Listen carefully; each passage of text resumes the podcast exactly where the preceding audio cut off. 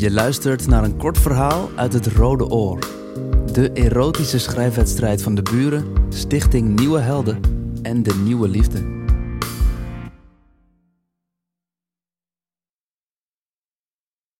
Ik worstelde het gebouw binnen. Niet via de dichtgetimmerde deuren, maar langs een rafelig gat in de kelder. Meteen kreeg ik een mond vol duisternis te verwerken, samen met een flinke dosis stof.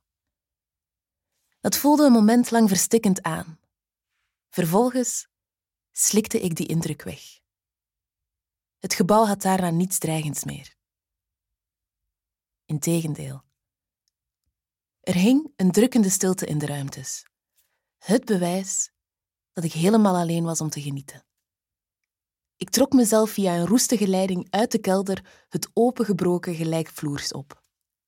Ik belandde op het met stof besprenkelde, afgebleekte parket. Het versleten hout kraakte even. Maar verder leek er niets te protesteren tegen mijn bezoek. Terwijl het geluid vervaagde, keerde de stilte terug. Het overviel me als een zware doek van donkerblauw fluweel en ik kon de zachte structuur ervan voelen op mijn koele huid. Ik kreeg kippenvel en huiverde. De zaal bekeek ik lang. Art Deco, met die symmetrie en strakke, ongenadige lijnen. Ik probeerde me te concentreren op het vervallen interieur.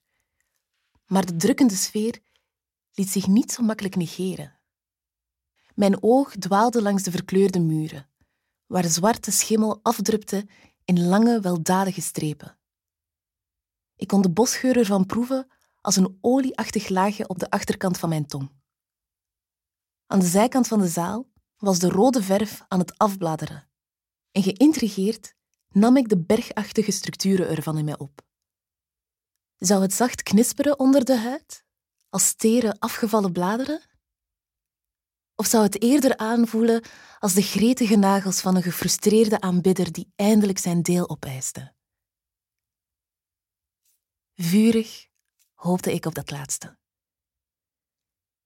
Ik richtte me op, deed mijn bovenkleding uit en liep naar de muur.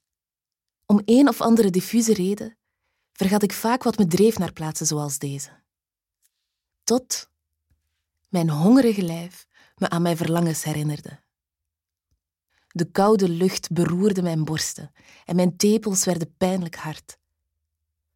Dat ongemak werd gauw naar de achtergrond verdreven, toen ik mijn ontblote, warme rug tegen de muur drukte en een moment lang niets anders kon voelen dan bijtende kou en grove halen. Ik siste tevreden, legde mijn handpalmen tegen de verf aan en bleef zo even staan. Een of andere loser had zijn wansmakelijke graffiti op een paneel langs me uitgestort. En ik grijnsde honend. Typisch patriarchaal gedrag om een ruimte op die manier te claimen. Ik stoorde me er verder niet aan en voelde een hete rilling over mijn rug lopen. De drukkende sfeer deed me zweten en mijn lichaam probeerde zich te verweren door weer te huiveren. De vloer trok me ook aan leek me oneindig decadent met zijn goudgele vlakte vol stof. Behoedzaam hurkte ik om daarna mijn bovenlijf tegen het hout aan te vlijen. De oppervlakte ervan was nog opvallend gaaf en glad en ik kreunde opgetogen. Ik gooide mijn haren opzij en ik zag vergulde stofdeeltjes in het rond vliegen, als een zwerm verschrikte, blinkende vliegjes. Ik verstilde even zodat ze weer langzaam, bijna vredig op mezelf en de vloer konden neerdalen. Daarna draaide ik me om, drukte mijn schouderbladen tegen de vloer en trok grote banen door het stof.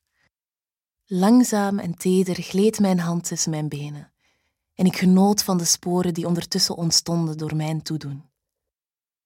Als het versleten gebouw soezerig in slaap was geweest toen ik aankwam, dan was het nu vast en zeker wakker om voyeuristisch toe te kijken.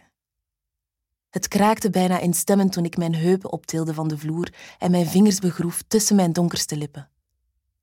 De zwaarte van de ruimte overviel me op dat moment nogmaals, benam me de adem en deed mijn zenuwuiteinden gretig op en neer deinen.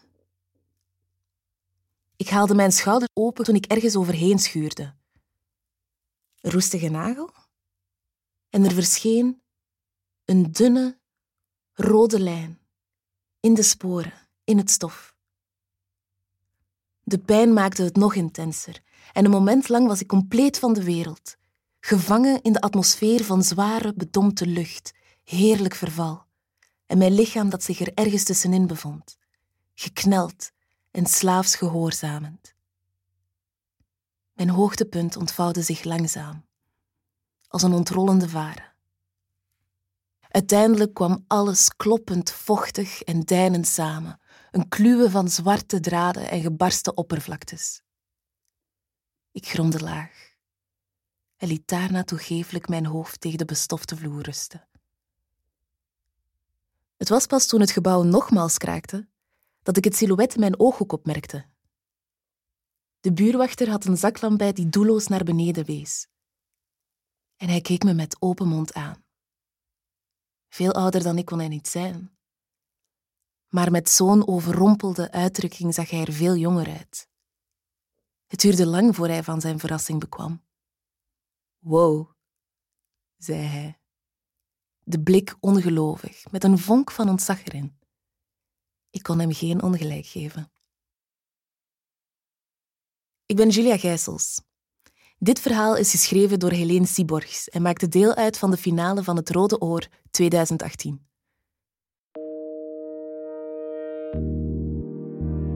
Je luisterde net naar een kort verhaal uit het Rode Oor. De erotische schrijfwedstrijd van het Vlaams-Nederlands Huis De Buren, Stichting Nieuwe Helden en De Nieuwe Liefde. Op deburen.eu slash het Rode Oor vind je meer informatie over het project, over de wedstrijd en kan je alle erotische verhalen van het Rode Oor lezen en luisteren.